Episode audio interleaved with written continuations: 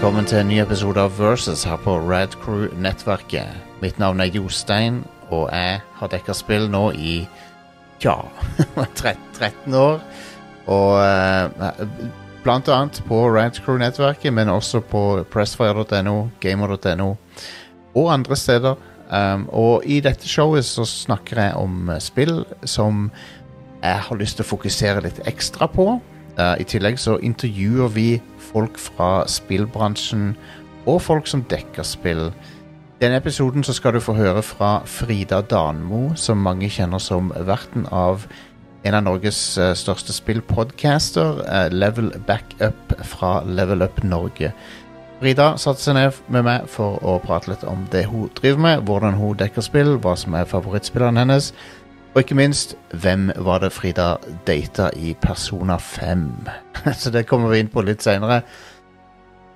Etter uh, pausen. Men først, tenk, folkens, så tenkte jeg at vi skulle snakke litt om et spill som jeg har runda Jeg vet ikke, kanskje det er det spillet jeg har runda flest ganger. Det er, det er, ikke helt lett å si, men det er up there, for å si det sånn. Og uh, spillet jeg snakker om, er The Dig fra LucasArts. Uh, The Dig er et spill fra 1995 som uh, ble utvikla et, av de, et av de spillene som tok lengst tid for LucasArts å utvikle noensinne, visstnok. Uh, der utviklinga begynte i 1989, og spillet ble ikke utgitt før 95. Og det har en veldig spesiell historie um, bak seg. Uh, det, det, det, har liksom Det skiller seg ut fra resten av LucasArts-katalogen um, på mange måter. Der det ikke skiller seg ut, det er at det er et point and click adventure-spill. Det var noe som LucasArts hadde uh, spesialisert seg på. Og mange mener at de var best i uh, klassen på, på, akkurat den sjangeren. Uh, selv om Sierra selvfølgelig har en stor fanskare den dag i dag, så, så tror jeg LucasArts på mange måter har vunnet det Vunnet ryktet sitt som Tja, kongen av, av pek og klikk adventure-spill, om du vil. Um, men en av de første tingene som George Lucas um, ga Lucas Arts mandat til, da, det var på, på tidlig på 80-tallet, det var han ville, ikke, han ville ikke bare at de skulle bli en Star Wars-fabrikk, eller en Indiana Jones og Star Wars-fabrikk. Litt ironisk når du ser hvor Lucas Arts endte opp uh, etter hvert. Men uh, til å begynne med i hvert fall, så var tanken at LucasArts de skulle få lage frittstående ting. De skulle ikke bare lene seg på eksisterende Lucasfilm uh, properties, selv om de, de lagde selvfølgelig ting innafor det òg, men, men, det endte som sånne spill som Radon, Fractalus og uh, og Zack McCracken and The Alien Mindbenders. Wild greier. Uh, og, og of Monkey Island, selvfølgelig en hel haug med nye properties som, som, uh, som ikke var knytta til, til, George Lucas sine, sine ting. Og visstnok så var George Lucas litt sånn involvert her og der. Og, og, uh, men, men han, han, la liksom en sånn en beskyttende hånd over Over Lucas i den forstand at de fikk lov til å holde på med å lage ting de hadde lyst til. da Og uh, The Dig uh, som sagt så begynte utviklinga på, på, det i 1989. Det som var um, Angivelig det som skjedde her, var at uh, Altså, de, de, Steven Spielberg var involvert på et eller annet uh, nivå her. Og det som det har kommet ut uh, seinere, er at uh, ideen til dette spillet var en um, story pitch til TV-serien Amazing Stories. Uh, jeg vet ikke om dere husker Amazing Stories, men det var Steven Spielberg sin uh, vri på Twilight Zone eller The Outer Limits. Uh, det var et TV-show fra 80-tallet der Steven Spielberg på en måte presenterte Han regisserte jo ikke alt, og sånn, men han var liksom showrunneren da av et show der hver episode var en ny fortelling, nye skuespillere. Litt sånn som Black Mirror i dag. Men det var helt tydelig basert liksom på Twilight Zone og den typen uh, den typen TV-show, da. Og um, The Dig uh, ble vurdert til å bli alt for dyr, være altfor dyrt til å filme. I hvert fall for TV. Uh, men også for film, fant de ut. Sånn at um, uh, det endte da opp med å havne i i hendene til LucasArts. Der, Sti- eh, så vidt jeg forstår, Steven Spielberg hadde en, en eller annen form for konsulentrolle eh, i utviklinga av spillet. Og ehm, når det til slutt kom ut i 1995, så hadde det gått gjennom en hel rekke endringer. Uh, til og med regissør av spill hadde blitt bytta ut. På et tidspunkt så var det, så var det Brian Moriarty som var spilldesigneren. Um, på et, og på et tidspunkt så hadde spillet en, en sult- og, og tørstmekanikk. Sånn survival-aktig. Um, men det, det som endte med å komme ut, var en re, altså spillmekanikkmessig en relativt tradisjonell LucasArts point and click-affære. Der eh, De hadde riktignok gjort noen moderniseringer av interface og sånne ting, istedenfor å ha eh, disse verbene nederst på bildet med pick up og push og pull og alle de, verb, de der bokstavverbene som du hadde nede på skjermen, så hadde du her da bare en frittstående musepeker. Eh, du kunne høyreklikke for å få opp inventory, dra noe ut av inventory, så det var relativt sånn enkelt interface for å interagere med ting i, i uh, miljøet, så klikker du bare direkte på den tingen. Så, så, så, så interfacet var mye enklere. Det var til og med enklere uh, enn Full Throttle sitt, som også hadde gjort en del forenklinger til denne sjangeren, da. Og hva er det som gjør et klikk-spill minneverdig? For meg så er det jo totale pakka av Historien må klaffe, rollefigurene, musikken og ikke minst uh, grafikken. Grafikken står på en måte i en sånn særstilling i de spillene fordi at uh, den, den, må kommunisere veldig mye eh, med enkeltskjermer. På en måte så minner det litt om uh, åssen gamle Arkadespill fungerte. For der kunne du også bare se én skjerm om gangen. Riktignok så kan du i disse pek og klikk-spillene scrolle litt til sida og sånne ting, men Stort sett så, så, så utspiller gameplay seg på et sånt fast bilde. Um, og da gjelder det å, å, at det, det, det, dette artworket da, som du ser på i timevis, at det er, det er attraktivt. Uh, Det er noe det i høyeste grad er i The Dig, da. Uh, føler jeg. Men uansett, The Dig, hva er det som er premisset? Jo, og hva er det som og Når du hører premisset her nå, så vil du skjønne ah, dette hadde passa som en TV-episode à la Twilight Zone. Uh, så en asteroide er på vei mot jorda. Uh, I kjent 90-tallsstil. dette, dette spillet for øvrig uh, kom ut lenge før Armageddon og Deep Impact. Jeg bare nevner det. Men uansett, en asteroide er på vei til jorda. Eh, NASA, i samarbeid med sikkert en hel rekke land, sender opp en, en uh, space shuttle for å detonere ei bombe, plante bomber på asteroiden, og så detonerer de og får den ut av kurs. Uh, opp til planeten så sender de astronauten Boston Lowe, som er spilt av Robert Patrick. Robert Patrick han kjenner dere sikkert som eh, T-1000 i Terminator 2. Eh, du har også Dr. Luther Brink, som er spilt av Stephen Bloom, og Maggie Robbins er spilt av Mary Wise. Um, så de astronaut Eller én astronaut, Boston Lowe, eh, er da joina av eh, Dr. Lutger Brink, som er en arkeolog og geolog. Det er logisk å ha med seg når du skal opp på en asteroide. Eh, og så har du Maggie eh, Robbins, som er en reporter igjen. Ganske logisk å ha med seg en reporter opp dit. Og en ekspert i lingvistikk. OK? Og så tar de og planter eksplosiver på den asteroiden her. Og operasjonen er tilsynelatende vellykka. Asteroiden, asteroiden er på vei ut av bane, kommer ikke til å treffe jorda. Alright? Så tar de og oppdager en eh, sprekkdannelse i uh, asteroiden som de utforsker. Hvor i de da finner noen mystiske formasjoner i steinen.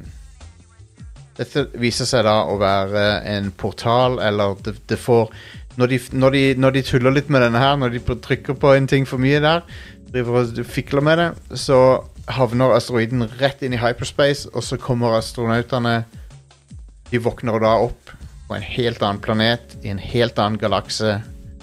De har null peiling på hvor de er. Astro to, en astronaut og, og en geolog og en arkeolog og en lingvist våkner på en planet. Jeg holdt på å si går inn i en bar. Det, det, det hadde vært en merkelig vits. Men de våkner opp på en fremmed planet uh, og, og uh, aner ikke hvor de er. Altså Vi snakker, De vet ikke koordinatene. De ikke stjern, alle stjernene på himmelen helt forskjellige fra de vi har. De må være i en annen galakse. Og som Du spiller som han Boston Lowe, som leder teamet. da Så det første du gjør, er liksom OK, er det, hva er det som skjer her? Hva, hva er det som er Hva har skjedd med oss? Hvorfor havner vi her? Um, hva er den planeten for noe? Hvorfor er vi brakt hit, liksom? Uh, og og etter hvert som du utforsker planeten, så finner du ut at her må det ha bodd noen. Her er det, her er det synlige rester av sivilisasjon. Men de som bodde her, må ha vært vekke lenge, for alt er veldig um, Skal vi se uh, Skal vi si det, det, er bare ruiner igjen. Det er bare ruiner igjen. Og uh, det at de sendte opp en lingvist, skulle vise seg å være veldig nyttig, for det er ting skrevet overalt på veggene og sånn. Så Maggie hun begynner å prøve å oversette hva er det som, er det som står rundt omkring i, i, i denne sivilisasjonen de har funnet. Um, Boston Lowe prøver å Hans oppdrag blir på en måte å finne ut Ok, hvordan kan vi komme oss hjem. Og uh, Dr. Lutger, han Han uh, dør nesten umiddelbart um, i en ulykke. Jeg skal ikke røpe nøyaktig hva som skjer, men For det, dere bør seriøst spille dette spillet, for det er en veldig spennende historie. Men Dr. Lutger, han uh, Han dør. Og um, du får ved hjelp av noen veggmalerier og sånn, så får du noe hint om noe som du kan prøve. ok? For det, Et pek og klikk adventure-spill handler om bruk objekt A på objekt B, og så se hva som skjer. sant? Det er sånn de puzzlene fungerer. Så du finner noen grønne, glødende krystaller. De ser litt ut som um, Basically som, som trankapsler. Bare, de ser ut som st store, glødende trankapsler. Du tar og knuser en av de oppå han der Lutger. Uh, Dr. Lutger Brink. Og hva skjer, annet enn at han våkner til live igjen av denne krystallen? Vi, de, de, sitter nå på en vitenskapelig oppdag, oppdagelse som virker som magi for, for oss. Uh, disse krystallene kan gjenopplive dødt materie og eh, på mirakuløst vis, da, reiser de døde til live igjen. Og det, det, det, virker jo for godt til å være sant. Og mye tyder på at det var det, Du merker snart at det kanskje det var litt for godt til å være sant. Fordi dr. Lutger Brink som kommer tilbake igjen, han Han er ikke helt sånn som han var. Det er noe, det er noe rart med han. Han er ikke seg sjøl lenger. Og jo lengre spillet progresser, da, jo mer merker du at uh, Det er noe off med han fyren der. Jeg vet ikke helt om jeg stoler på han. Han, han, uh, han uh, endrer oppførselen sin. Han får en sånn en Altså, etter han blir fortalt at det var krystallen som gjorde det, så blir han besatt av disse krystallene. Han begynner å samle på dem. Han begynner å Han begynner å horde dem. Og han finner seg lite, en liten alkove nær, nær sjøen. Om, spill, spillet foregår i et sånt lite område nær en, et hav. Uh, en sånn uh, by, slags, en, en, slags bybebyggelse, kan vi si. Men det, arkitekturen er så fremmed at det er vanskelig å kalle det en by. Men det er i hvert fall en, en liten bebyggelse nær sjøen da, på denne planeten. Um, med en, uh, et slags T-banesystem som du kan ta fra mellom de forskjellige stedene i denne byen.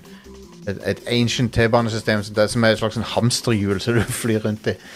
Uh, men uansett, han, uh, han Dr. Luther Brink han finner seg et hjørne, da. Og så begynner han å bygge noe. Akkurat som han har blueprintet til den tingen han skal bygge, i hodet plutselig. og, og det han bygger, er sånn det ser veldig mystisk ut. Men han har, han, det er akkurat som han har fått en sånn besettelse i hjernen at skal, jeg skal bygge en ting. Ok, så Boston Glow han går, går ut på egen hånd, prøver å finne ut av hvordan skal vi komme oss vekk herfra. Uh, og han oppdager at på denne planeten så må det ha skjedd Noe må ha skjedd som uh, hadde katastrofale følger. Og som førte til at denne disse vesenene som pleide å bo- her, de forsvant plutselig. De døde ikke usakte, de forsvant plutselig. Og eh, Og du begynner å tenke liksom Kan, kan det ha noe med disse her krystallene å gjøre? Og så, og så nøster du etter hvert opp i dette mysteriet. Sånn. Og så jeg, jeg, har egentlig, vet du hva, jeg har egentlig ikke lyst til å røpe så mye mer av historien, for det er, veldig, det er veldig verdt å oppleve den. Um, jeg spilte gjennom det på stream for noen år siden. Uh, det var veldig, veldig gøy gjensyn. Uh, spillet holder seg kjempegodt. Stemmeskuespillet er fenomenalt. Um, den pikselerte grafikken har holdt seg kjempegodt. Det kunne vært et indiespill nå, liksom hvis ikke du visste bedre. Og uh, puzzle-designet er stort sett ganske bra. Et par unntak. Et par puzzles er ikke veldig gode. Um, du merker det når du kommer til dem, tror jeg. Men det ene, ene involverer et skilpaddeskjelett med et infamous uh, puzzle som folk blir skikkelig sure på. Og så har du et annet et som hvor du skal gi en sånn alien robot noen sånne kommandoer med et, et, et, panel med sånn utrolig fremmede og rare knapper på. Uh, det, det puzzlet er òg ganske sånn ikke, ikke helt optimalt. Men storyen er god nok til at du, du, du får lyst til å spille gjennom det, og du får lyst til å liksom oppleve skjebnen til Finne ut av hva, så hva var det som var skjebnen til de, den rasen som bodde her. Og uh, du får alle svarene. Det er en tilfredsstillende slutt. Det er veldig verdt å, å se det hele veien gjennom. Um, og uh, genuint creepy noen ganger også. Og det skiller det, det er det som gjør at det, dette spillet skiller seg fra LucasArts sin katalog ellers, fordi veldig mange av LucasArts-spillerne har masse humor og sånn. Dette spillet har For det første Du har bare to karakterer å snakke med hele spillet. Du har Maggie og, og uh, Lutger. Eller du har, du har flere, men jeg skal ikke Altså, du har, du har et veldig lite rollegalleri. Hovedsakelig har du to andre å snakke med. Og til gjengjeld så har de veldig mye dialog, og du kan liksom utforske veldig mye om personligheten til hver av de teammedlemmene dine på den planeten. Og uh, uh, det er veldig bra skrevet dialog, uh, men det er ikke mye humor. Det, er dra det er drama, dette her. Det er mer Det har liksom en sånn morsomhet her og der, men til forskjell fra andre LucasArts-spill, så er det eh, så, som en, som en sci-fi-episode av et TV-show. Det er liksom ikke Ikke noe forsøk, forsøk på noe sånn wink-wink uh, LucasArts-humor som de var kjent for. Uh, sånn som Day of the Tentacle eller Monkey Island er jo veldig meta, veldig sånn fourth wall breaking og sånn. Dette spillet har ingenting av de tingene. Uh, det er bare en bra, intelligent skrevet science fiction-fortelling som du genuint har lyst til å se slutten på. Uh, det, det setter opp et mysterium. Du har, du, du har sykt lyst til å vite hva er det som skjer, her, hva, hva er det som er dealen. Og um, rett og slett bare en veldig tilfredsstillende fortelling. Men en annen ting som skiller det fra Altså, jeg nevnte jo det, du snakker bare med to personer, og, og dette spillet ved hjelp av um, bakgrunnsmaleriene du, For alt er håndmalt og så digitalisert. Sant? Ved hjelp av den vakre grafikken og ved hjelp av musikken til Michael Land, som jeg anbefaler. Den ble utgitt på et album, by the way, som et sånn et uh, Når du hører på det albumet, så, det, så, så høres det ikke ut som spillmusikk. Det høres mer ut som bare en sånn ambient uh, Ambient musikk. det er vel det beste jeg kan beskrive det som. Litt symfonisk inspirert ambient uh, soundtrack som er veldig bra og veldig stemningssettende. Veldig stemningsfylt. Uh, men ved hjelp av disse tingene, da, og, og det faktum at uh, Boston Low er mesteparten av spillet helt alene og utforsker de forskjellige loka lokalene i denne, i denne forlatte alien-byen, så er følelsen uh, Spiller reindyrker en følelse av, å, av ensomhet. Og det er noe som LucasArts-spill aldri gjør, annet enn dette spillet. For uh, riktignok, du kan ringe de to andre astronautene. Han ene er litt gæren, hun andre er veldig opptatt av å finne ut av alien-språk og, og studere tekster og sånn, mens, og prøve å make sense ut av ting. Så sånn, for, for, på, på mange måter er Boston Low alene. Og, og det å gå rundt i disse alien-områdene her og, og prøve å finne ut av hva hvert rom gjør Dette her er et bibliotek, dette er et rom som er dedikert til noe annet. Uh, du prøver å liksom finne ut av hva var funksjonen til denne maskinen. Um, og og ingen, ingenting engelsk noe sted på disse veggene eller på maskinene eller whatever. Sant? Så, så begynner du å tenke Det er veldig sånn du begynner å reflektere når du, når du spiller dette spillet. For det er nesten litt som å sitte alene sjøl og reflektere over ting. Uh, og du setter deg veldig inn i han Boston Lowe sin situasjon. Eh, så det er veldig Det er et veldig uh, meditativt uh, spill til å være et pek og klikk-spill, føler jeg. Og det er ikke sånn at du det, det, Av og til så har du bare lyst til å stå og absorbere atmosfæren i det. og um, det har en veldig sånn sakte tempo, og det har en Det har en, en, en mood som uh, LucasArts aldri har utforska før eller siden. Så The Dig skiller seg ut. Um, det har uh, Jeg husker at det ble kritisert da det kom ut for at de ikke hadde eh, adoptert uh, såkalt SVGA-grafikk. Um, eller 640 ganger 480, som var standardoppløsninger på den tida. Spillet foregår ennå i 320 ganger 240. Um, men nå i ettertid syns jeg den pikselerte grafikken bidrar til mye av appellen til dette spillet. Det gjør det enda mer drømmeaktig, og det gjør det liksom det, det, det hjelper veldig til å selge illusjonen, for mange av de tingene du ser på, er litt sånn Det er alien-teknologi, ikke sant? men det, det at det er litt pikselert, gjør det enda mer mystisk, på en måte. Jeg tror at hvis du hadde sett det i mer høyoppløselig eh, eh, versjon, så hadde litt av mystikken forsvunnet òg, hvis du skjønner. Og uh, de bruker jo da Scum-motoren til dette spillet. Eh, Scum det står for eh, Scripting Utility for Maniac Mansion. Det er den engine som Lucas LucasArts brukte på den tida. Uh, I The Dig så, så, så brukte de da den modifiserte versjonen av Scum som tillot for um, CG-animasjon.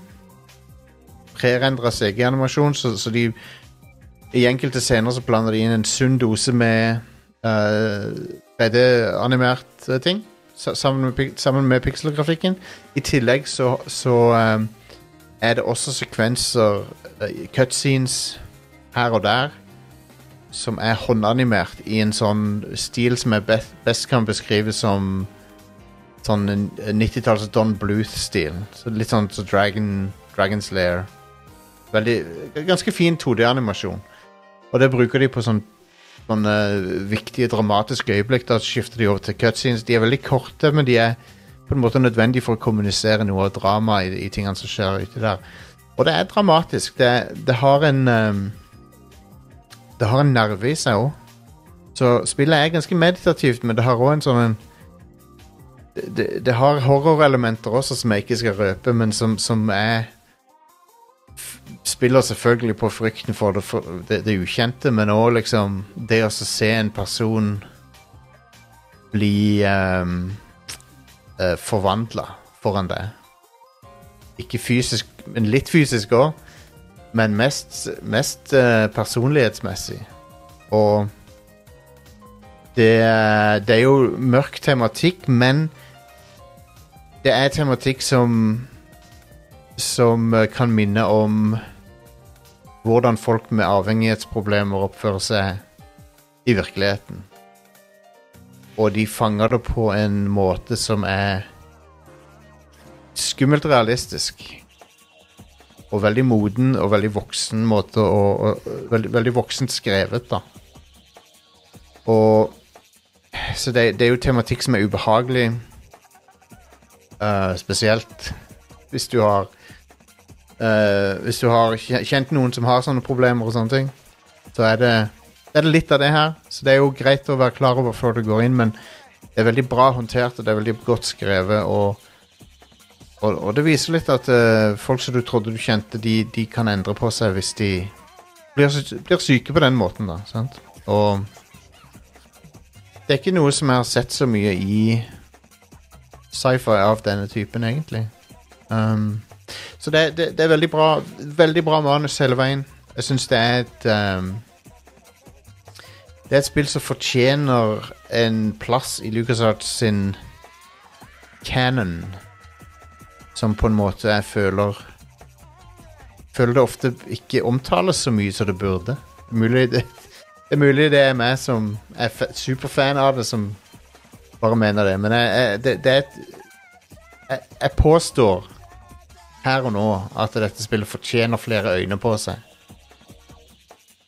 Og um, det ble um, uh, By the way, han første regissøren som ble bytta ut midt i spillet det ble utgitt, uh, han, han som endte opp med å være kreditert som designer, er Sean Clark, men først så jobba Brian Moriarty på det. Brian Moriarty han designer også Loom.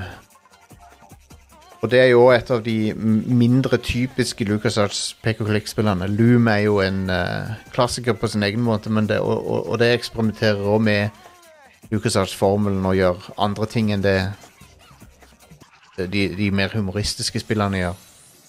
Så du merker definitivt Brian si- sine uh, fingeravtrykk på dette spillet òg. Og eh, musikken til Michael Land uh, brukte Jeg jeg nevnte vel den så vidt. Den, den bruker også samples, um, mener jeg, fra orkesterinnspillinger. Um, og uh, var uh, sampla blant annet fra diverse Wagner-stykker. um, og så har vi en annen litt morsom ting, da. Er at uh, det kom ut en roman basert på spillet, og den ble skrevet av Alan Dean Foster. Hvis du syns det navnet høres kjent ut Hvis du syns det navnet høres kjent ut, folkens Han er en forfatter som har skrevet en bunch med sånne filmatiserings... Nei, bo, bokversjoner av filmer. Um, og han, han skrev boka til Star Wars. Han, ghost, han var ghostwriter for boka til Star Wars i 1977. Den boka står det 'written by George Lucas', men det er i realiteten så er det Alan Dean Foster. Han har også skrevet den første uh, spin-off Star Wars-boka ever i 1978, som heter 'Splinter of the Mind's Eye'. Hvis jeg ikke tar helt feil, så var den boka uh, Den boka hadde litt mer romanse mellom Luke og Leia før de hadde bestemt seg for at de var søsken. Så, uh, så det er en ting. Og han har også skrevet Star Trek-bøker. Han har vært borti mye rart. Men han skrev altså bokversjonen av dette spillet, The Dig. Uh, og det har jo blitt vanligere seinere å, å ha bok adaptations av spill, men det var ikke så vanlig i 1995. Så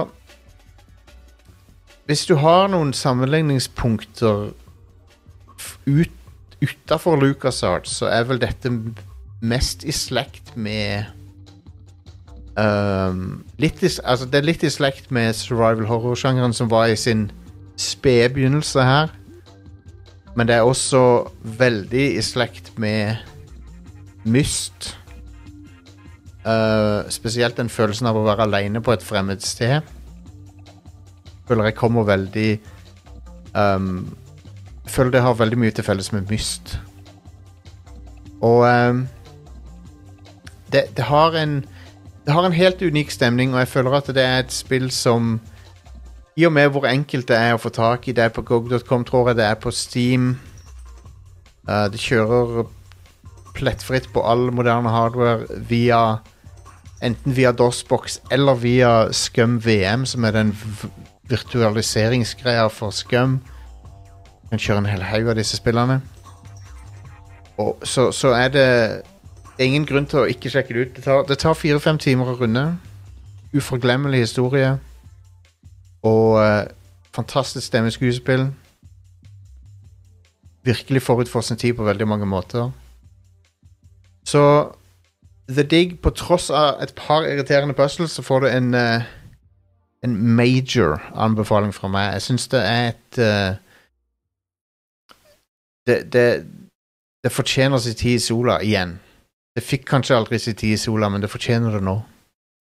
Så sjekk ut The Digg, folkens. Neste versus kommer om en måned like før jul. Hvis du vil ha tidlig tilgang til Versus, så kan du signe opp på vår Patrion på uh, patreon.com slash radcrewpodcast. Uh, og hvis du allerede har signa opp der og hører denne episoden tidlig, så skal du ha tusen takk for det. Da setter vi over til Frida og meg sjøl i fortida når vi tok opp dette.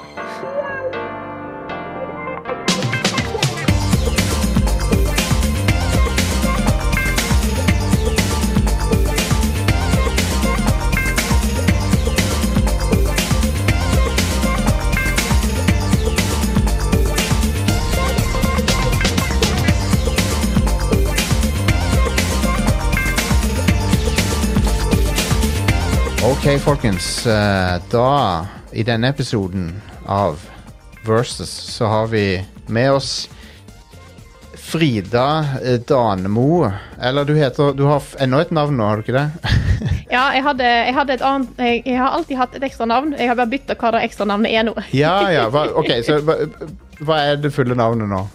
Nå er det Frida Hemstad Danmo. Frida Hemstad Danmo, ja. Fantastisk. Mm. Du gifta deg, sant? Det gjorde jeg. Det Så er da eh, super. skifter jeg mellomnavn. fantastisk. Mm. Fornøyd med det så langt? Fornøyd med valget? Absolutt. Både, jeg både navn og mann. ja, men det er supert. Det er veldig bra å høre. Frida, du er jo uh, veldig uh, I tillegg til å ha en uh, Er det doktorgrad du har nå? ja, nå har jeg endelig fått doktorgrad. Utrolig, utrolig bra. Jeg vet ikke om jeg har fått gratulert deg med det sånn i samtale her, så jeg kan gjøre det nå på dette showet. Jo, takk, takk. Um, Det, er fint å ha den eh, graden ferdig, så jeg kan gjøre andre ting. andre voksne ting i sånn arbeidsliv og sånt. sånn som gaming. Ja, 100 Men det, du, du er jo eh, kjent For veldig mange så er du kjent gjennom Level Up Norge. Der du har vært uh, en lang periode eh, liksom hovedverten for en av de største norske spillpodcasterne. Ja, Og, det eh, blir noen år nå. og eh, det er jo Det er jo verdt å nevne det Ikke bare fordi du gjør en bra jobb med det, fordi at, men fordi du er jo også den eneste kvinnelige hovedverten av en spillpodcast i Norge. Det er, det er, det er sant. Um, Det er dessverre litt få av oss. Ja. Um, Og eh, det er jo eh, Altså, det, det burde Ja, det, sant, det burde jo være flere. Vi har jo, vi har jo uh, kvinner i redaksjonen i Radcrew som, som bidrar med fantastiske ting. Og Ida er jo programleder for Radcrew Neon, som er popkulturshowet vårt og sånn, men uh, og, og er jo Etter min erfaring, jo mer uh, jo, jo flere forskjellige bakgrunner som representeres i, i de showene man lager, sånn, jo bedre blir showene.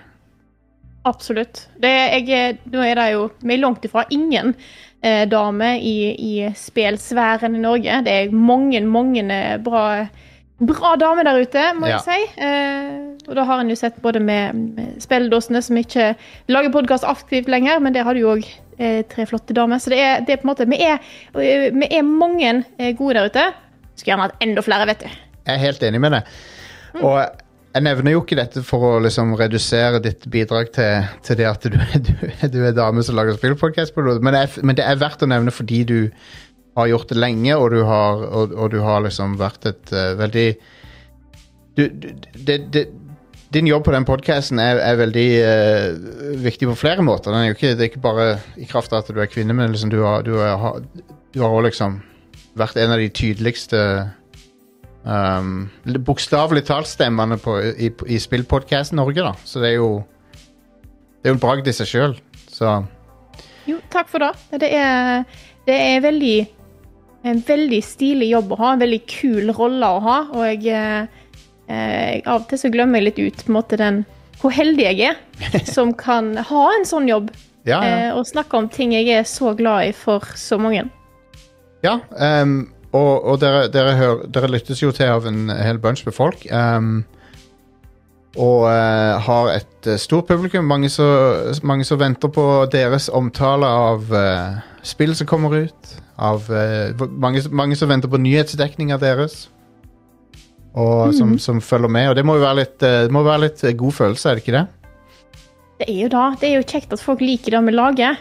Eh, og det er liksom den, den følelsen av å ha ei Plutselig ha ei stemme som folk hører på. Det føles veldig rart for meg òg.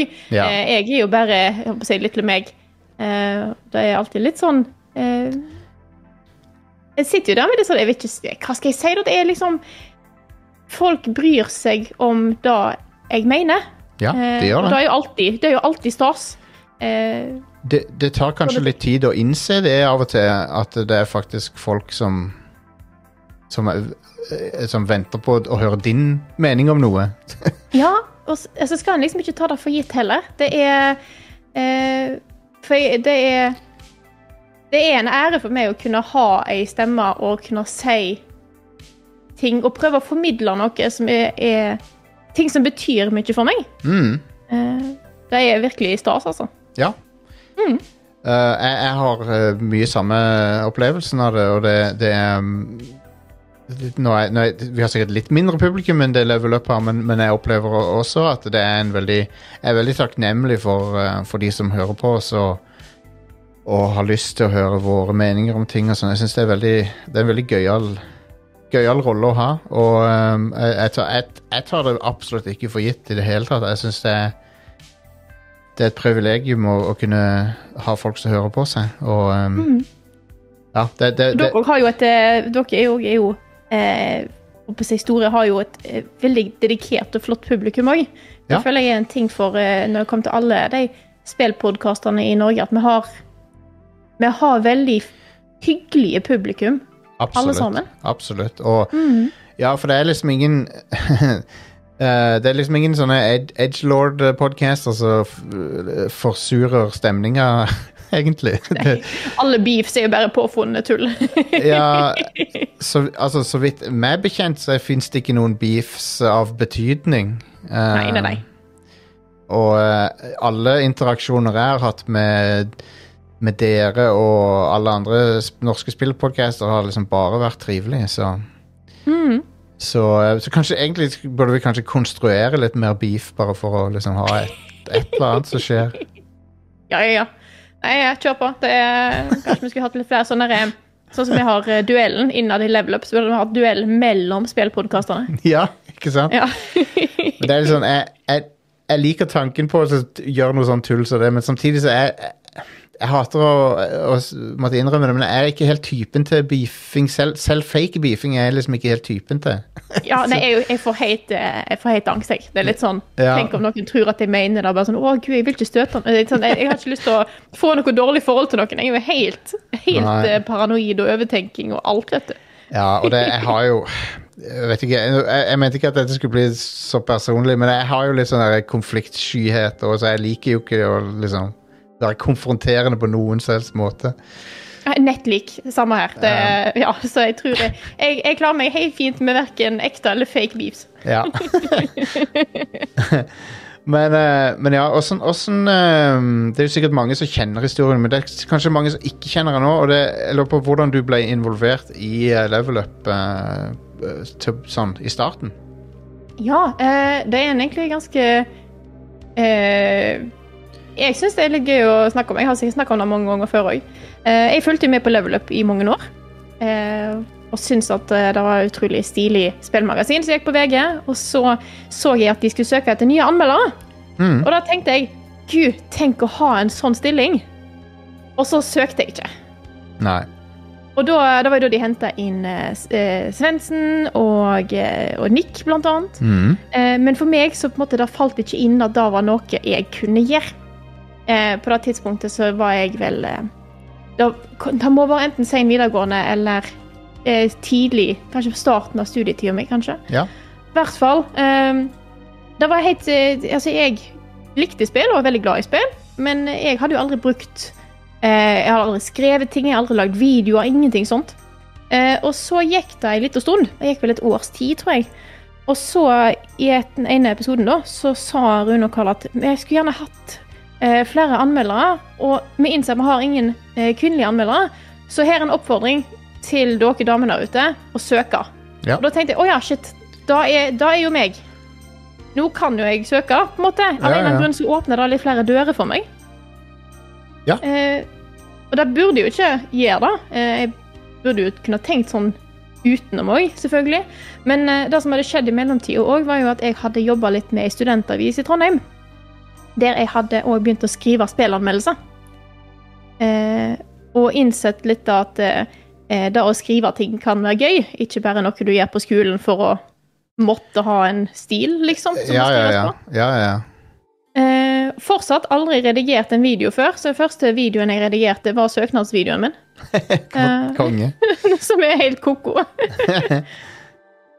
og så var det egentlig Da gikk det Jeg måtte jo mase på dem, da. Ja, Da måtte jeg. De var jo litt trege å svare på, svare på søknaden min, syns jeg. Mm.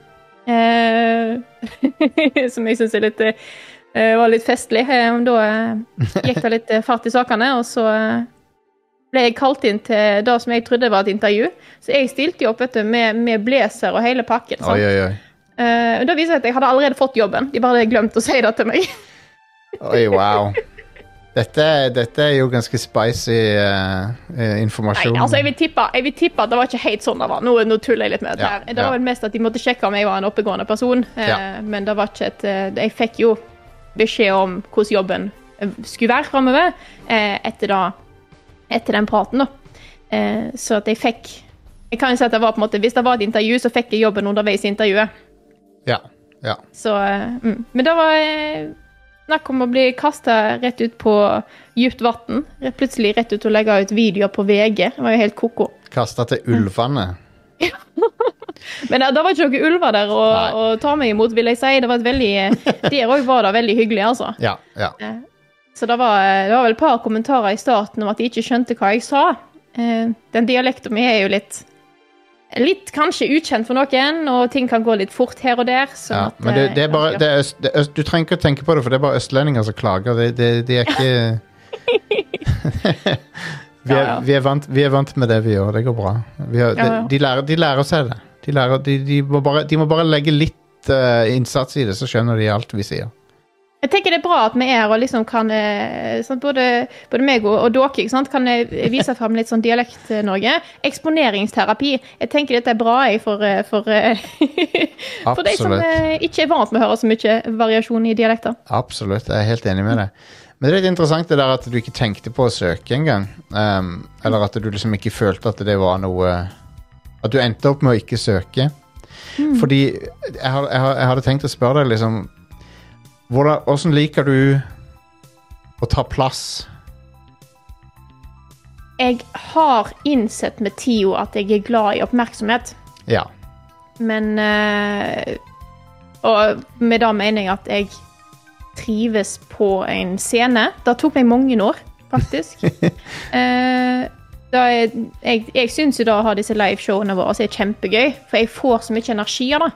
Mm. Uh, men da òg For de som er, har litt sånn sceneskrekk og sånt, eh, det kom ikke med en gang. Nei. Jeg har måttet eksponere meg sjøl for å stå på en scene i mange, mange mange år gjennom å spille tverrfløyte, før det, før det liksom datt på plass hos meg. ja.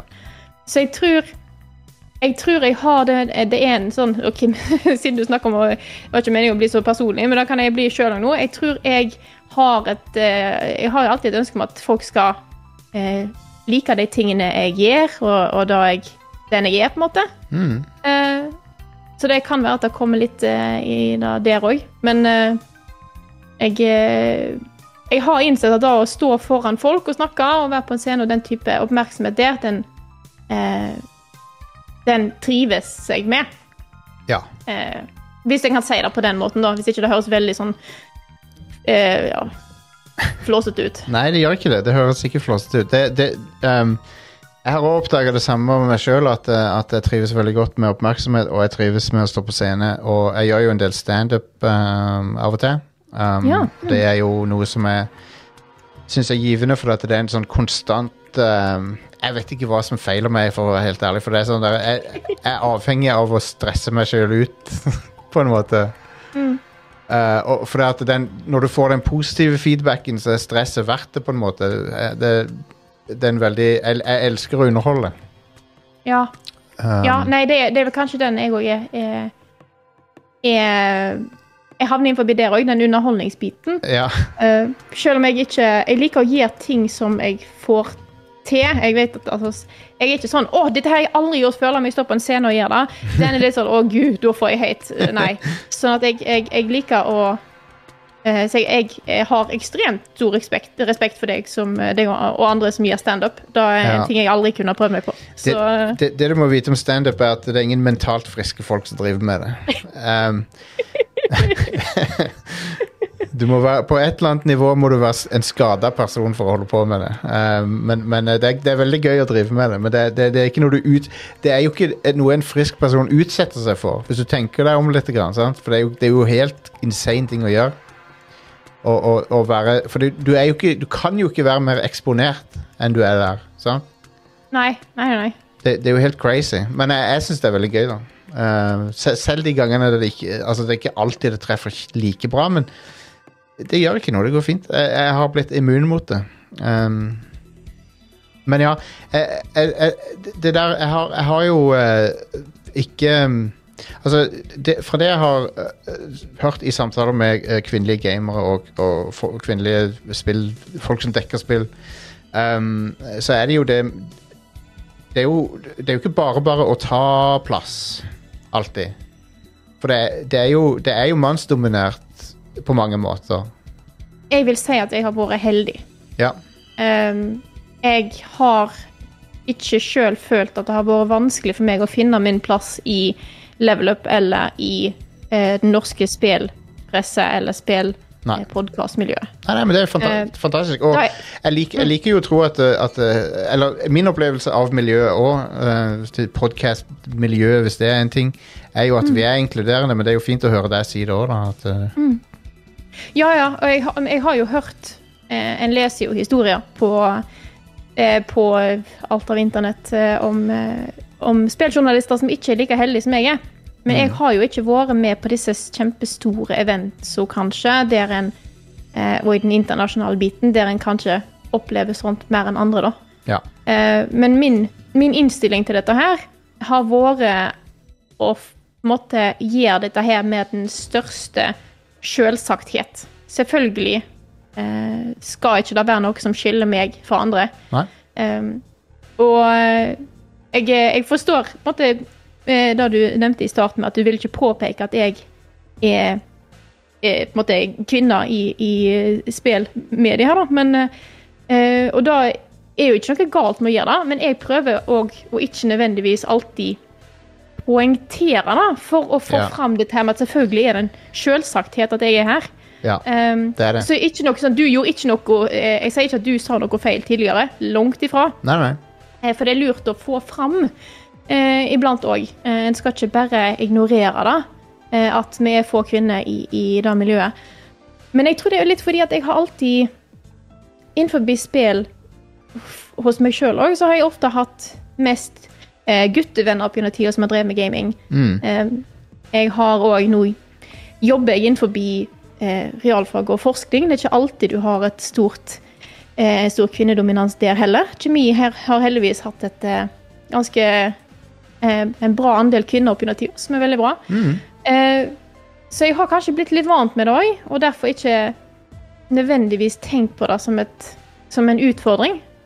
Fordi at selvfølgelig skal jeg være her. Selvfølgelig kan jeg være her og snakke om spill på lik linje med alle andre. Mm. Men uh, Ja, nei, jeg uh, Jeg tror da òg at det ikke har vært et problem. Jeg har ikke nødvendigvis følt så stor backlash noen gang. Men det kommer jo selvfølgelig kommentarer her og der, Ja. uh, som jeg tror at, og jeg vet, at en som mann ikke ville fått. Garantert. Det, det, men det er sikkert noe Det er litt synd å si det, men det er sikkert noe du på en måte lærer deg å tune ut uh, litt. Grann. Um, Altså Heldigvis så har det aldri kommet til det punktet hos oss der jeg har måttet tune det ut. nei.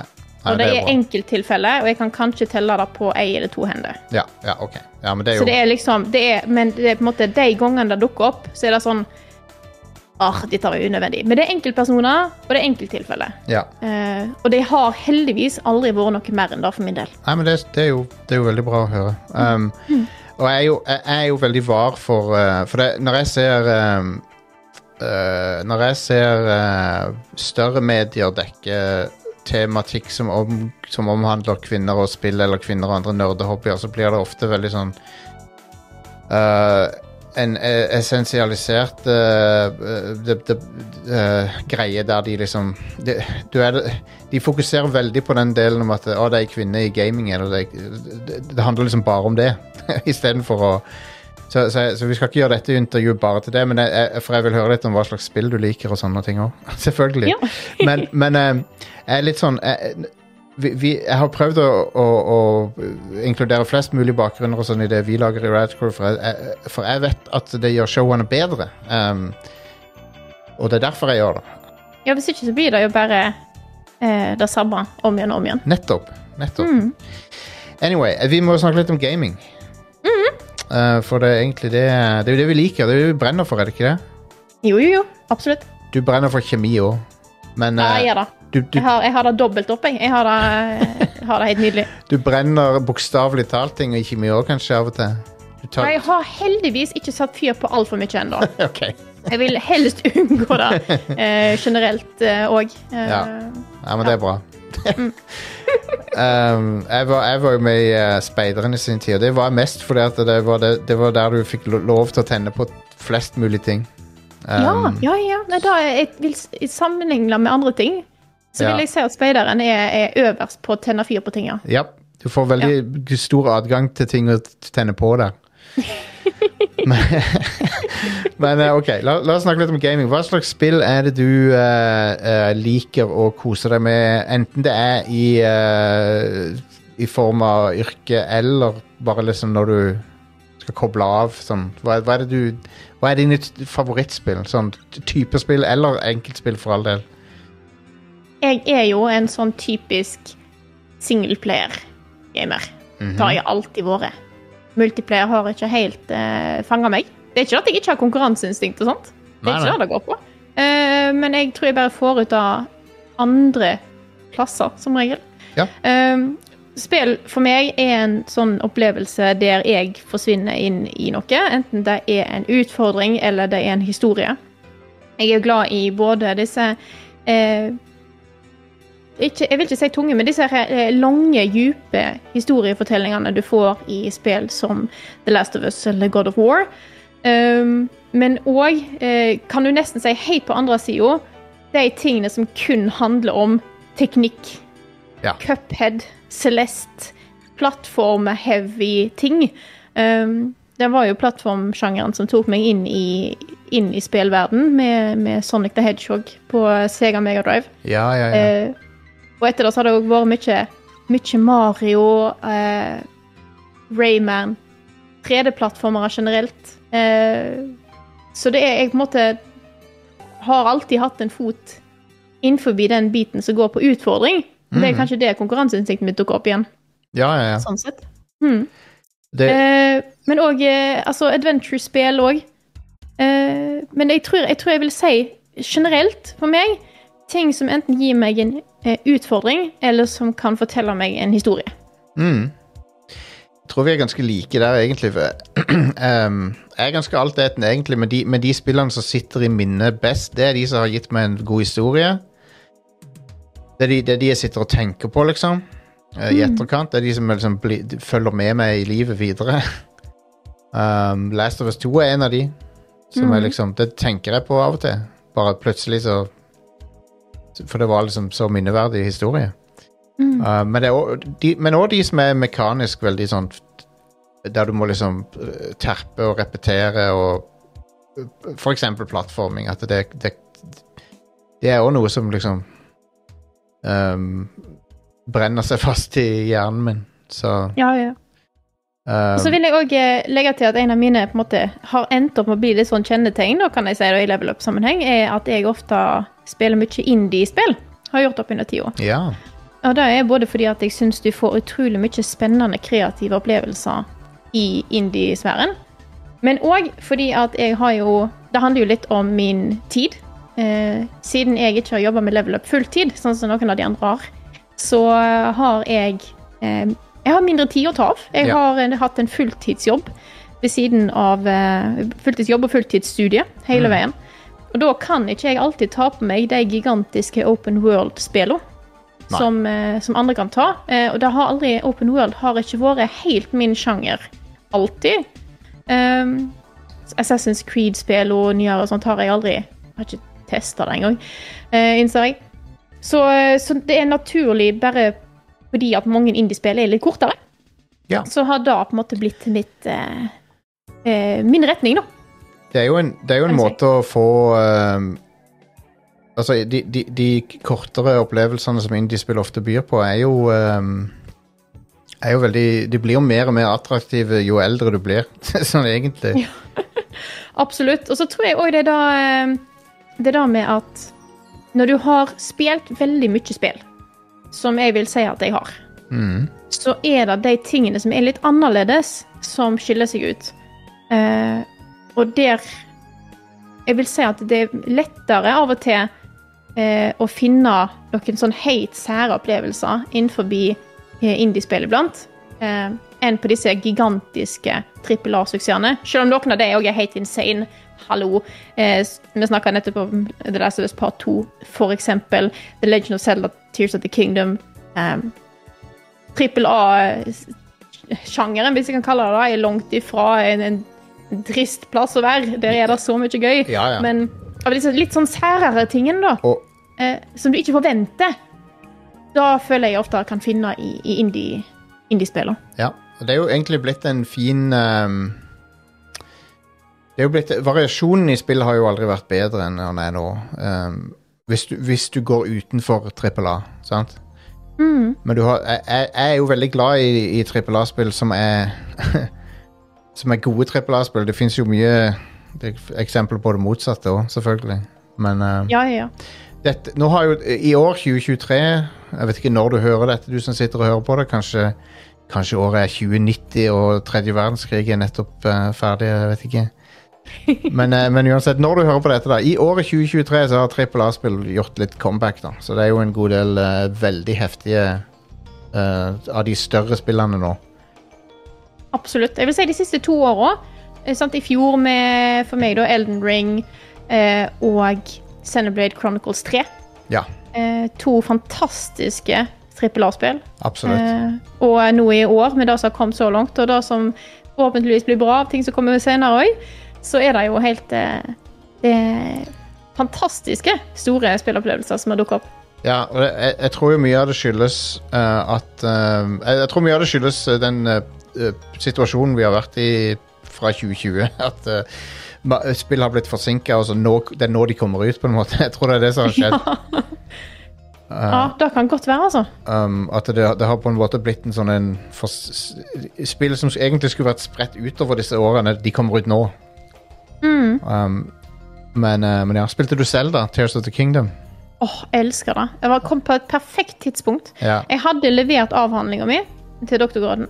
Sånn at jeg hadde ikke noe sånt som hasta ekstremt. Jeg hadde hatt et par veker på å komme i, flere veker på å komme inn igjen. Uh, og da hadde jeg tid til liksom bare uh, sluke det spillet ja. uh, så godt jeg kunne. Eh, over, si, over litt tid, da. Det er jo dritlangt hvis du har lyst til å gjøre alt. ja. Så eh, det var et eh, Det- stor, stor del av alt jeg har spilt i år, har vært Tears of the Kingdom. finalen på det spillet Jeg satt med full body chills uh, i siste timen av det spillet. Ja, fy fader. Det, er- det spillet er så kult, og det er så mange, det er så mange scener i det spillet som, er, som overrasker meg. Ja. Uh, jeg skal ikke spoile det, fordi jeg vet det er folk som fortsatt eh, driver og spiller det. Uh, men det er noen der, uh, spesielt mot slutten, som er bare helt ko-ko. Ja. Um, Eh, så gøy å se hvor Zelda-serien har havna nå, altså. ja, det er det. Og, og det føltes jo som Breath of the Wild. Så bra som det spillet er, så føltes det som en sånn test, eh, testrun for dette spillet. Ja, det går an. Um, helt, helt vanvittig. Jeg, jeg er så imponert over Tears of the Kingdom. Jeg, jeg, jeg, undervurderte det spillet veldig. Sånn, Jeg tror det var mange som gjorde det.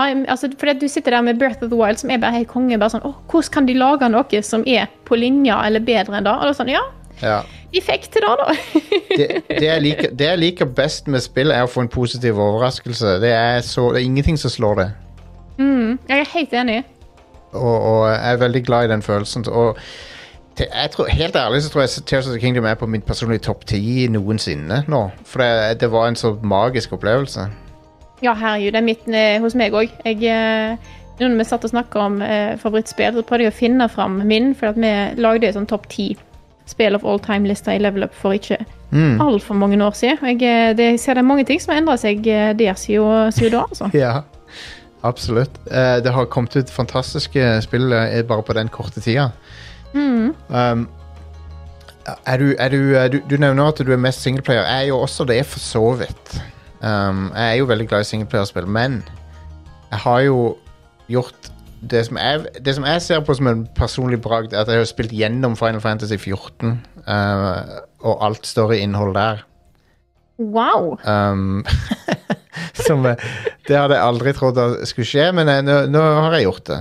Og, um, og det er jo Jeg hadde aldri trodd jeg skulle spille så, et MMO så mye, men, um, for jeg har aldri vært en sånn MMO-type. Men uh, jeg vet jo at Carl hos dere er veldig fan av det spillet. Ja, ja, ja. Han er jo dypt inni det der, altså. Ja, Men jeg, ikke, jeg må jo si at jeg er ikke helt sjokkert over å høre at eh, eh, du kan eh, du er en person som kan bruke masse tid i eh, MMO-er. Jeg vet jo at du spiller Warframe. ja, jeg har spilt Warframe en god del, ja, og det, og det spillet Warframe er, er Warframe er med, no, no, Ikke noe disrespekt til, til Rune Fjell Olsen her, eller noe, men, men jeg, jeg, jeg føler Warframe er det Destiny burde være. På mange måter. Og Nei, jeg vet det. Jeg hørte mye bra om eh, Warframe. Jeg har jo en mann som òg er veldig interessert i Warframe. ja, ja, Så ja. Så det, jeg, jeg forstår hvor, eh, hvor gleden din over det spillet kommer fra. ja, ja. Og de, de, Warframe har vært veldig gode på å ha en, en, en uh, sunn eh, community av spillere òg, som, uh, som de, de front Ansiktene utad hos utviklerne er veldig flinke til å ha en sånn en, en, eh, en sunn og holdsom kommunikasjon med communityet sitt. Mm. Og um, der hun frontfiguren som var community manager, Rebecca Ford, hun er nå sjefen for hele spillet. Oi, oi, oi. Um, og det er veldig kul. Hun har hatt en veldig kul reise der. Det er bra. Det er jo et bra på en måte Jeg tenker det er veldig positivt for hele spillcommunityet òg, at du har noen som har vært så opptatt av, av community og hva de syns, som nå er på toppen. Ja, ja, ja. Så jeg er en, jeg er en Rebecca Ford-stan. Um, jeg er veldig fan av henne. Uh, men ja, så, så, og, han, og han, som, han som var sjef for Warframe, han holder på å utvikle um, det neste spillet de sitt som heter Soulframe. Ja, ja, ja. Det òg syns jeg ser kjempekult ut. Mhm. Det kan bli spennende, det. Veldig kult navn òg. Ja. Uh, men ja, så, så, men du liker rollespill, antar jeg? Litt sånn story-tunge rollespill? Ja, eh, jeg kan si både ja og nei. Uh, Jeg har jo uh, Jeg er veldig glad i en del rollespill. Ja. Jeg har spilt en del av de. Men jeg har aldri vært så dypt nede i la oss si JRPG-er, da. Eh, Nei, nei, Jeg har aldri spilt sånn kronotrigger og sånt, men jeg forsvant jo ned i eksempel Persona 5, sånn at jeg, jeg måte Jeg er ikke Jeg, jeg, jeg, er ikke eh, langt vekk fra den eh, sjangeren nødvendigvis. Ehm, men Det- med det- rollespill òg er det mye, mye gøy å ta, altså. Jeg føler liksom RPG-er har jo eh, smelta litt sammen med vanlige sånn action adventure-spill Ja. Og da funker bra, da. Men jeg, Absolutt. jeg må bare circle back til, til Final Fantasy 14. Jeg må bare si, hvis du, noen, no, hvis du noensinne føler for å oppleve en virkelig episk historie Det, er- det er sånn Dostojevskij fuckings mursteinhistorie. Sånn, det, Final Fantasy 14 er det. Um, det. Det er en veldig bra historie. Uh, den, den, den, dessverre så er starten en vanvittig sånn kneik da, å komme over. Ja, ja, jeg har hørt dette her. Eh, det har jo hatt en litt eh, interessant utvikling, da, spillet der. Det har det. Men, men, mm. men storyen er kjempebra, og han er, han er voksen, og han har voksen tematikk. Han er um, Jeg er veldig imponert over, over det de har fått til i et MMO med tanke på historiefortelling. Det er liksom Det skiller seg veldig ut i den sjangeren. Um, Ja, for jeg har spilt litt World of Warcraft. Det har jeg jo. ja. Eh, men det var jo ikke historien som fanga meg der. Nei, World of Warcraft har en setting, og de har bakgrunnslaw, ikke sant? Mm. Mens Final Fantasy 14 har en lineær historie som de vil fortelle det. Mm. Og det er det, det er det som skiller de spillerne. Uh, for mekanisk så har de mye til felles. Det har de. For de er begge er memoer av av den typen, liksom. Men eh, du nevner personer. Um, personer er jo noe som jeg føler har en sånn veldig brei appell pga. at det handler om skolekids og sånn. Ja, det er en eh, klassisk setting. Ja, og, og du, det er veldig lett å like de òg. De, Ja. de uh, hovedpersonene. Absolutt. Og så syns jeg òg at uh, de klarer å For en av de tingene som av og til har tatt meg litt vekk fra den type JRPG-er, er et turbasert eh, kampsystem. Ja. Da syns jeg ikke alltid er like gøy. Eh, men jeg har jo funnet flere og flere spill der jeg syns det er gøy. Ja, ja. Eh, jeg har jo det, eh, men jeg syns det er kombinasjonen av fa fantastisk funky musikk ja. og et veldig flashy kampsystem. Eh, da gjør det godt nok for meg, altså.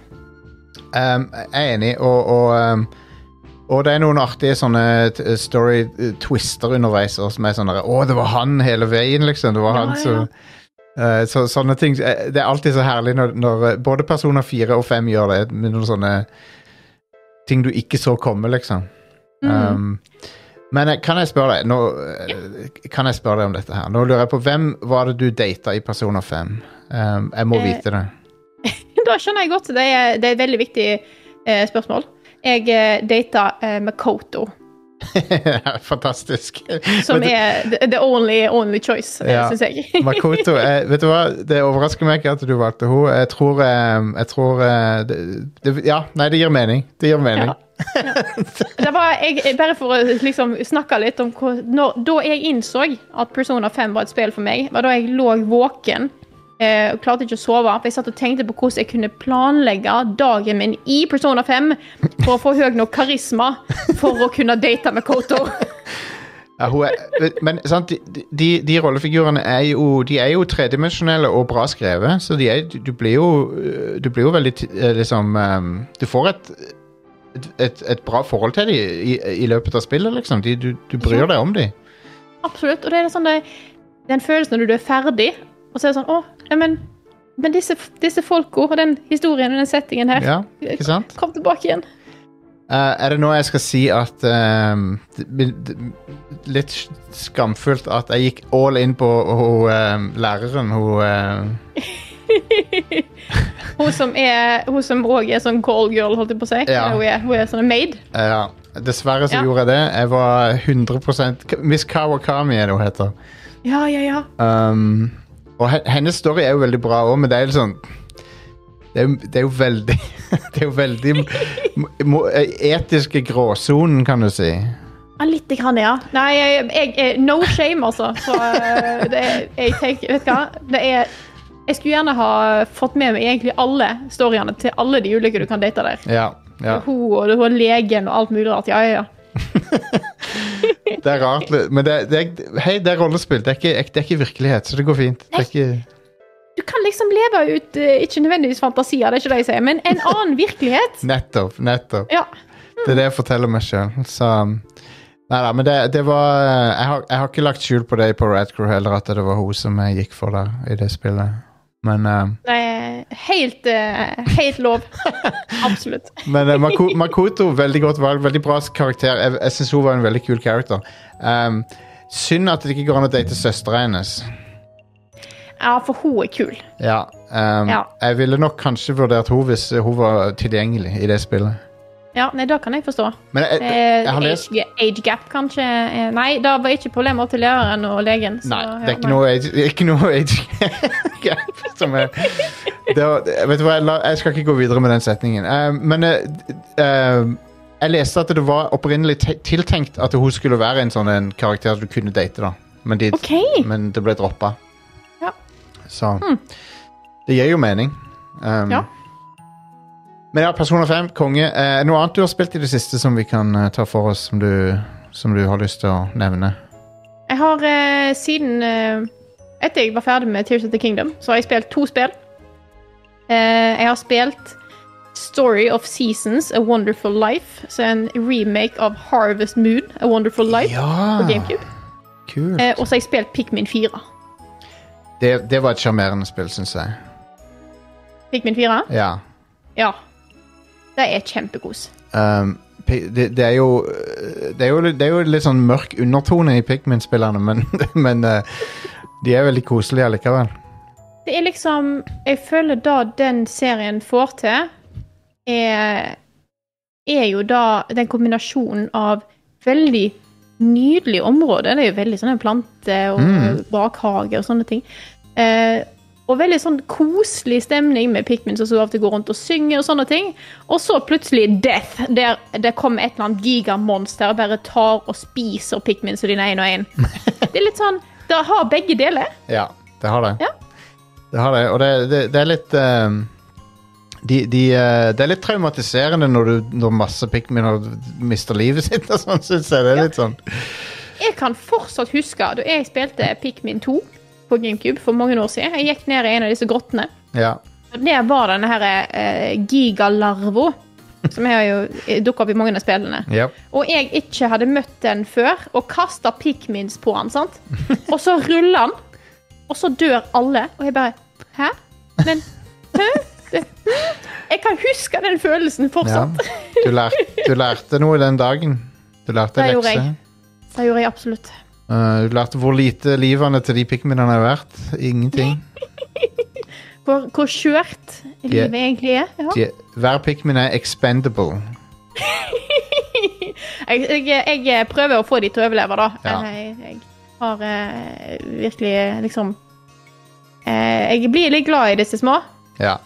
Så eh, jeg prøver å unngå at de, så mange som mulig skal dø, egentlig. Ja, det, det, Eh, det er jo kjekkest, det. Men Ja. på den andre siden av, av, av, eh, dette er, er du, Har du spilt The Sims og, og behandla folk veldig dårlig i The Sims? Jeg har vokst opp med The Sims og ulike måter du kan drepe folk på i The Sims. ja. Men vi har nettopp fått oss, eh, nettopp eh, fått oss hus. Eh, med leie, da. En, Ja. Vi bor i et hus akkurat nå. ja, ja. Der vi har en peis. Og en del av meg vet at hvis jeg skal ha et teppe, så må ikke det være for nærme peisen. For da tar alt fyr, og så dør alle. Nice. Veldig bra. Så, så The Sims har lært deg livsvisdom. Absolutt. absolutt. Nei, det er, jeg har jo vokst opp med Sims 1 og 2, vil jeg, eh, Ja. vil jeg nå si. Uh, Sims 1 spesielt, det tror jeg vi drepte mange. Dette høres jo forferdelig ut. Altså, folk som snakker om at spill gir folk voldelig, og da snakker de kun om GTA og sånt. Ja, sånn. Har dere sett hvordan vi spilte Sims? Hallo? Se på alle, se på alle de små uh, uh, jentene og guttene der ute, og se hva de gjør i The Sims. Ja, det er jo helt, helt sprøtt. Jeg, altså, det, det var jo drukning i bassenget. jeg, jeg kjenner ei som Jeg tror hun drepte bare masse masse folk, sånn at hun kunne lage seg en, en, en graveyard, altså en kirkegård, i hagen. Ja. Som liksom I spillet! I spillet! Ja, Ikke ja. virkeligheten! Ja, men det, det, det er litt um, spillet, spillet gjør det jo av og til mulig å, å liksom um, eh, arbeide utafor de eh, moralske og etiske grensene som vi vanligvis må forholde oss til. Ja, og det er liksom Det, det føles ikke så eh, ekstremt å plutselig ta livet av en sim. Nei. da må jeg innrømme. Nei, det, vet du hva, de kan ikke, de kan ikke snakke engelsk engang. De snakker bare tull, tullespråk. Kan jeg fortelle, Har vi tid til at jeg kan fortelle en liten rar eh, The Sims-historie? Absolutt. Herlig. Jeg har sikkert fortalt, Det kan være noen har hørt den før. Jeg spilte mye The Sims 2. eh, Og var mye inni eh, å bruke mods for å få til ting. Og bruke mye for å liksom, få nye møbler og sånne greier. Men en av modsene jeg var veldig glad i, var den som gjorde at du kunne slette ting du egentlig ikke kunne slette. Ja. Fordi at når du har en tallerken som ligger på gulvet, men du kan ikke slette den fordi noen har tenkt å bruke den en eller annen dag, eh, irriterer meg. Og ved en feil eh, så hadde jeg markert en baby og trykka på slett. okay. uh, Og da forsvant babyen. Nei. Og jeg bare OK, ok, eh, OK, ja, men den er vekk. Men ikonet til babyen var fortsatt der. Så han fantes, bare ikke fysisk. Han var der in spirit. sant? Wow. Og så spilte jeg en stund, og plutselig bare forsvant ikonet òg. Og tenkte OK, da er han Nå er spillet litt misfornøyd, men nå er han i hvert fall vekke. Så gikk det en stund, jeg hadde spilt med den familien en stund, og bestemte meg for nei, de skal flytte. Og når du skal flytte, så kan du velge hvem av simmene som blir med. Og da kunne jeg velge babyen. Ah. Og jeg tenkte oi, babyen er tilbake igjen. Kult, la meg ta den med. Men der hadde det skjedd noe litt funky i koden. Fordi siden babyen på en måte hadde fantes, så hadde klokka gått. Så babyen hadde blitt voksen. Ah, wow. Men da, en annen del av spillet hadde ikke fått med seg at babyen hadde blitt voksen. Så det som flytta med meg, var en voksen person med babyanimasjoner. Nei Og da er det sjukeste jeg har sett. For da har du da en voksen eh, figur i The Sims som krabber rundt med liksom de samme animasjonene som en baby skulle hatt. Eh, og det var glitchy, og det var fælt. Jeg bare sånn, «Ditt- jeg har, eh, Dette er en abomination jeg har lagd. Må- Måtte du ta den personen ut i bakgården og, og gjøre gjør slutt på dem? Bare for Jeg husker, jeg gjorde, jeg måtte nok ha gjort noe sånt, ja. Ja. Jeg husker ikke helt hva som skjedde, men jeg bare husker at det var resultatet. Det var, det, er jo, det er jo litt sånn eh, Nesten litt sånn horrorfilm. det er sånn der eh, Nei, det, det, det var det, Ja, det, det er artig når, eh, med sånne bugs som det der. Det, er jo, ja, det var, den, den var interessant, eh, må jeg innrømme. det, er jo, det fins jo voksne der ute som, som liker å være, oppføre seg som babyer. Du har hørt om de, har du ikke det, Frida? Ja, ja, ja. ja. Det, det var en av de, da, som du fikk i huset. Ja. Jeg må ha lasta ned en litt interessant mod, tror jeg. Ja, Adult, adult baby-mod. Yes. Uh, konge. Nei, men vet du hva, Frida? Dette har vært skikkelig koselig, og um, um, det er sikkert mer vi kunne snakke om. Vi, vi, vi kunne sikkert prate timevis her, men Nei, kun med. Det er alltid så kjekt å, å snakke med deg. Ja. og tusen takk for at jeg ble invitert. Det her var utrolig hyggelig. ja, jeg syns òg det var veldig trivelig, og, og du, var en, du var en selvfølge å invitere her. Um, og, og det var veldig kjekt å Ja, vi, jeg føler vi fikk dekka ganske mye her, men det, men det er liksom Om vi hadde hatt uendelig med tid i, i livene våre, så kunne vi sikkert bare sittet der og prata enda mer. Ja, ja. Lagd verdens lengste podkast. Absolutt. Um, men, eh, men hvis folk, eh, folk som hører dette, liker å høre oss to prate, så, så, så vil det sikkert være flere anledninger til å høre det i framtida på, på et eller annet vis. Ja, ja, ja. Um, og jeg er helt enig, det er veldig trivelig å prate med deg òg. Men eh, tusen takk, og så, må dere sjekke ut eh, Frida på Level Backup, er det ikke det, det navnet på showet? Det da, ja, det da, den podkasten vår finner du på eh, alle plasser der du hører podkast. Yes. Og, eh, Level backup. og du, du gjør litt annet innhold for Level Up også, ikke sant? Da gjør jeg. Eh, kommer med anmeldelser. Pikmin 4-anmeldelsen min blant annet er jo rett rundt hjørnet. Ja. Eh, det har tatt eh, litt tid. Det er vanskelig å starte opp en ny jobb. Det Ja. tar litt, jeg ser at da er litt tidkrevende, faktisk. Det. Absolutt. absolutt. Ja. Ellers er det, jeg lager jo jeg anmeldelser. Er med på streams, andre videoer. Eh, Hmm. så eh, meg finner du hos, eh, på youtube.com slash levelupnord. Der Nydelig. finner du meg. Nydelig. Mm. Takk skal du ha.